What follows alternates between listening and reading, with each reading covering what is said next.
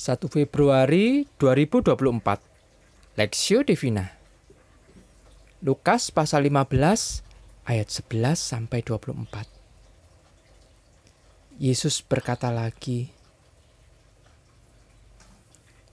Ada seorang mempunyai dua anak laki-laki. Kata yang bungsu kepada ayahnya Bapa, berikanlah kepadaku bagian harta milik kita yang menjadi hakku. Lalu ayahnya membagi-bagikan harta kekayaan itu di antara mereka. Beberapa hari kemudian, anak bungsu itu menjual seluruh bagiannya itu, lalu pergi ke negeri yang jauh. Di sana ia memboroskan harta miliknya itu dan hidup berfoya-foya. Setelah dihabiskannya semua, timbullah bencana kelaparan di negeri itu, dan ia pun mulai melarat. Lalu ia pergi dan bekerja pada seorang majikan di negeri itu. Orang itu menyuruhnya ke ladang untuk menjaga babinya. Lalu ia ingin mengisi perutnya dengan ampas yang menjadi makanan babi itu. Tetapi tidak seorang pun yang memberikannya kepadanya. Lalu ia menyadari keadaannya, katanya. Betapa banyaknya orang upahan Bapakku yang berlimpah-limpah makanannya. Tetapi aku di sini mati kelaparan. Aku akan bangkit dan pergi kepada Bapakku dan berkata kepadanya, Bapa, aku tidak berdosa, aku telah berdosa terhadap sorga dan terhadap Bapa. Aku tidak layak lagi disebut anak Bapa. Jadikanlah aku sebagai salah seorang upahan Bapa. Maka bangkitlah ia dan pergi kepada bapaknya ketika ia masih jauh. Ayahnya telah melihatnya, lalu tergeraklah hatinya oleh belas kasihan. Ayahnya itu lari, ayahnya itu berlari, mendapatkan dia dan merangkul dan mencium dia. Kata anak itu kepadanya, Bapa, aku telah berdosa terhadap sorga dan terhadap Bapa Aku tidak layak lagi disebut anak bapa.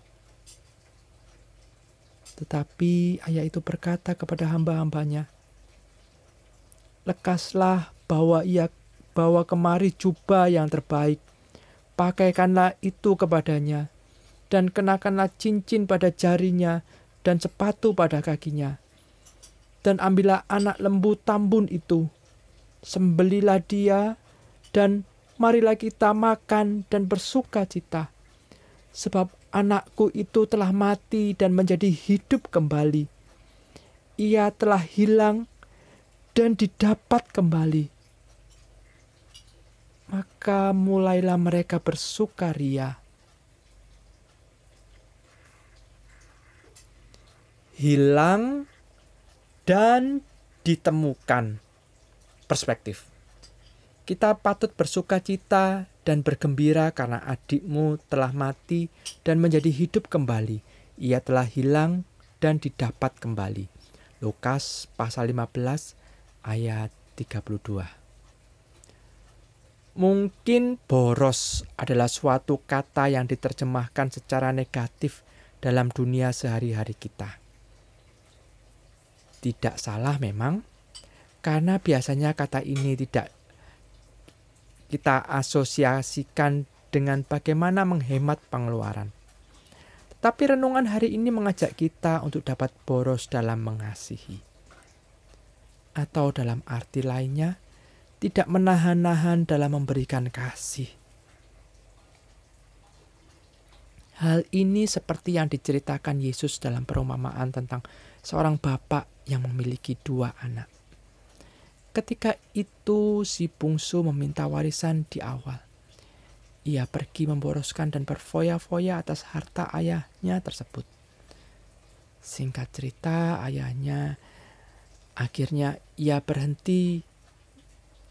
Singkat cerita, akhirnya ia berhenti mengenaskan.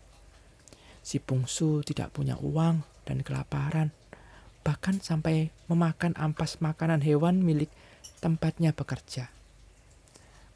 Di titik itulah ia ingat akan pekerja ayahnya yang hidupnya lebih sejahtera.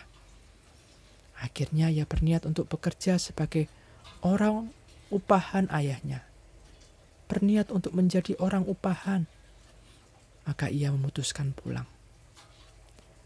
Ketika telah nampak dari jauh, justru bapaknya berlari menyambutnya pulang. Sebuah bentuk ekspresi riang karena bertemu anaknya lagi.